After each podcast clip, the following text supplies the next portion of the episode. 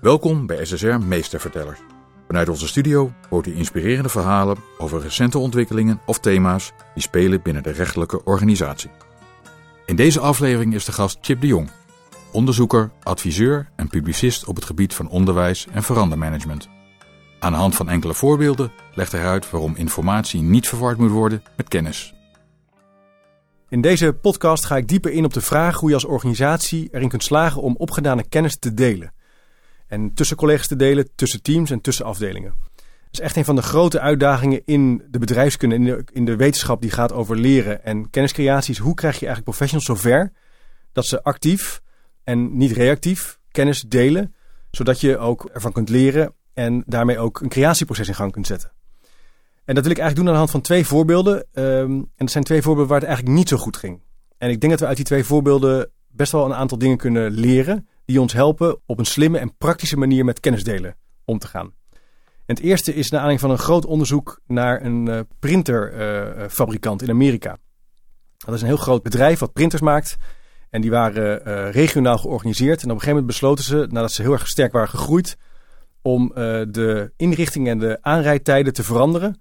En ook de pauzetijden van de mechaniciens, degene die de printers maken, weg te bezuinigen. Want ze konden dan efficiënter van locatie naar locatie rijden en de printers maken. En wat ze toen zagen na een half jaar is dat er meer printers kapot begonnen te gaan en dat de kosten begonnen te stijgen. En ze kwamen er maar niet achter hoe dat kwam, want ze hadden het idee dat die verandering uh, heel slim was georganiseerd. En alle collega's hadden natuurlijk ook een, een iPad mee om alle kennis en informatie na te kunnen slaan als ze een printer gingen repareren. En er is toen een kwalitatief onderzoek uitgevoerd door twee wetenschappers. En die zijn een aantal van die, uh, die reparatiecollega's en experts gaan interviewen. En wat bleek? Die collega's die ontmoeten elkaar altijd in de pauzetijd. En die hadden het niet alleen over hun broodje of over de vieze koffie. Maar vooral ook over een nieuw printermodel. Of een bepaalde aanpassing van een cartridge. Of dat als je de printer type A moest repareren, je altijd even een schop aan de achterkant moest geven voordat je aan de voorkant uh, het papier ging vervangen. En dat noemen we ook wel tacit knowledge. Dat is eigenlijk dieper liggende kennis. Kennis die je niet zozeer in een, in, op papier kan zetten of op een tablet kan, kan delen. Maar die mensen eigenlijk alleen kunnen delen als ze elkaar zien en als ze elkaar ontmoeten. En daar komt ook wel het perspectief vandaan van we know more than we can tell. We, kunnen, we weten meer dan dat we uiteindelijk ook kunnen opschrijven of expliciet kunnen maken. En dat onderbouwt eigenlijk dat kennis een bekwaamheid is. Kennis iets is wat in je handen zit, in je hoofd zit. En het is niet alleen een herinnering of een geheugenkwestie, maar het vraagt ook ontmoeting en uitwisseling. Een tweede project uh, is in Nederland bij een groot academisch ziekenhuis die uh, sterk begon in te zetten op formaliseren van hun kennissysteem. Ze hebben een duur systeem aangeschaft waar alle artsen en verpleegkundigen mee moesten werken, alle managers. En dat systeem werd aangeschaft, werd ontworpen en vervolgens gevuld met kennis. In ieder geval, zij hadden het idee dat het kennis was. En um, na, na verloop van tijd kwamen ze erachter dat het systeem eigenlijk nooit werd gebruikt. En toen zijn ze ook daar onderzoek gaan doen van hoe komt het nou dat we zo'n mooi systeem hebben wat mensen op een telefoon en uh, op een tablet en op een computer uh, kunnen gebruiken. Waarom werkt het nou eigenlijk niet? En waarom vullen ze zelf niet hun kennis? En ook daar kwamen ze er eigenlijk achter dat al die collega's allerlei informele netwerken hebben. En informele netwerken zijn eigenlijk netwerken die je niet kunt zien of die je niet als het ware kunt formaliseren, maar die er wel zijn, waarin kennis en informatie wordt uitgewisseld. En dat zijn eigenlijk ontmoetingen, uitwisselingen, maar soms ook bijvoorbeeld de colleges of voorafgaand aan colleges of na een college wordt er nagepraat. Soms is er bijvoorbeeld uh, interdisciplinair overleg. Uh, artsen wisselen uit als ze een moeilijke operatie hebben gehad, hebben meegemaakt. Of als er een familie uh, betrokken is bij een bepaalde keuze om wel of niet te opereren. En mensen leren dus ook in hun werk. Ze delen ook kennis in hun werk. Dus van dat tweede voorbeeld kunnen we eigenlijk leren dat dat leren en dat dat kennis delen vooral in het werk plaatsvindt. Dus je zou kunnen zeggen, je kan denken dat het niet gebeurt, maar je kan ook zeggen het gebeurt al in het werk. We hoeven eigenlijk alleen maar die plekken groter te maken. Je zou zelfs sterker nog een redenering kunnen verkennen dat je dat hele IT-systeem misschien wel overboord kan gooien of wel kan halveren en mensen net even 10 minuten of 5 minuten extra kunt geven om actief te reflecteren met een opleidingskundige of een HR-medewerker op uh, een ervaring of op een bepaalde keuze. En dat is ook een vorm van kennis delen. Nou, uit die twee voorbeelden kan je een aantal dingen halen. Ik zal niet een hele filosofische verkenning uh, nu gaan doen over wat kennis is. Je kan het dus zien als macht, je kan het zien als gedrag. Ik zou zeggen, het is een bekwaamheid, het is een vaardigheid, iets wat je kunt. En iets wat je weet en wat in verbonden is aan je handeling. Je kan dus wel dingen opschrijven en op papier zetten. Je kan kennis delen als zo'n activiteit zien, maar het is eigenlijk veel meer dan dat.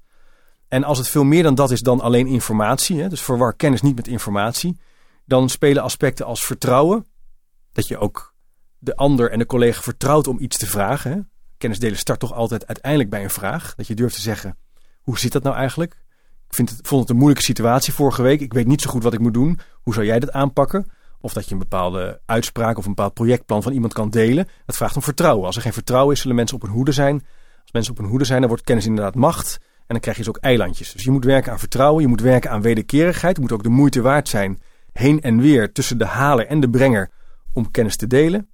En er moet ook een bepaalde noodzaak zijn. Er moet ook wel urgentie zijn. Veel organisaties trappen de valkuil om allerlei sessies en ontmoetingen te organiseren zonder dat er echt een vraagstuk is. En een vraagstuk zou dus ook iets moeten zijn wat concreet is, meetbaar en merkbaar. En dus moet het werk centraal staan. Het moet niet gaan over kennis delen, maar het moet gaan over een specifiek vraagstuk in je werkpraktijk waar je niet goed uitkomt. Als die noodzaak er is, dan zullen mensen ook geneigd zijn om in een vertrouwde en veilige, aantrekkelijke omgeving ervaringen te delen en met elkaar aan de slag te gaan. Dus dat delen kan alleen plaatsvinden als je het ziet als een bekwaamheid. Dat vraagt om een bepaald proces waar anderen worden uitgenodigd om mee te doen. Het vraagt dus om een leeromgeving. En dan is natuurlijk de vraag van hoe kan je die leeromgeving cultiveren en aandacht geven. En ik denk dat daarvoor als laatste een aantal handige tips of een bepaald ritme bruikbaar is. Het begint altijd bij één iemand. Dus kennis delen begint bij een initiatief. Iemand die iets wil, die een vraag heeft. En daar zou je ook naar kunnen kijken in je team, in je rol als leidinggevende of als professional in je organisatie. Is er iemand die iets wil? Dan is de tweede fase dat diegene ook mensen gaat uitnodigen. Dat hij dat bijvoorbeeld gaat uh, organiseren. Dat hij zegt van nou, zijn er andere collega's die dit probleem ook zijn tegengekomen. En na dat uitnodigen ontstaat er een proces van kennismaken. Waarin je eigenlijk in de dubbele betekenis van het woord uit gaat wisselen wat eerdere ervaringen zijn. En met elkaar gaat verkennen wat het vraagstuk misschien specifieker is.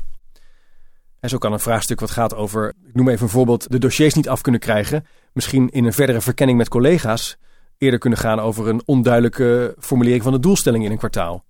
Nou, als je dat doel eigenlijk met elkaar formuleert, kan je uiteindelijk ook dingen gaan uitproberen. En daarin is het experiment heel belangrijk. Je kan kennis delen dus zien als een IT-systeem waarin informatie staat. Maar je zou net zo goed kunnen zeggen, een activiteit om een probleem op te lossen is ook een vorm van kennis delen. En wat dan vaak wordt vergeten, en dat zou ik jullie dan ook sterk willen aanraden, als je dan eenmaal aan een oplossing hebt gewerkt, is het wel heel erg de moeite waard om het ook te delen in je organisatie. Dus neem ook de verantwoordelijkheid om het breder in je organisatie te delen, door bijvoorbeeld iets te maken wat andere collega's uh, ook kunnen gebruiken. En dat hoeft niet per se een projectplan te zijn, maar dat kan bijvoorbeeld ook een korte terugkoppeling zijn. Of een, uh, een achtstappenplan. Of uiteindelijk de oplossing waarmee je hebt geëxperimenteerd. Nou, dat kennisdelen is dus helemaal niet soft. Het is keihard. Hè? Het heeft hele harde implicaties als je het niet doet. Het kan geld kosten. Het kan voor problemen uh, veroorzaken. Fouten kunnen worden gemaakt. Dus zie het ook echt als iets wat hoort bij het primaire proces. En maak niet het onderscheid tussen, je zou kunnen zeggen, het primaire proces, het werk en het kennisdelen. Het is dus aan elkaar verbonden. Het is hetzelfde. En probeer het ritme van initiatief nemen, uitnodigen, kennismaken, creëren en uitwisselen en delen een keer uit. Uh, ik wens je er veel plezier mee. Ik hoop dat het gaat lukken. Uh, ik ben heel benieuwd naar je ervaringen en uh, ik zou zeggen, deel ze vooral met je collega's. Dan wordt kennis altijd meer. Dit was SSR Meestervertellers. Wilt u op de hoogte blijven? Abonneer je dan op onze podcast. Graag tot een volgende keer.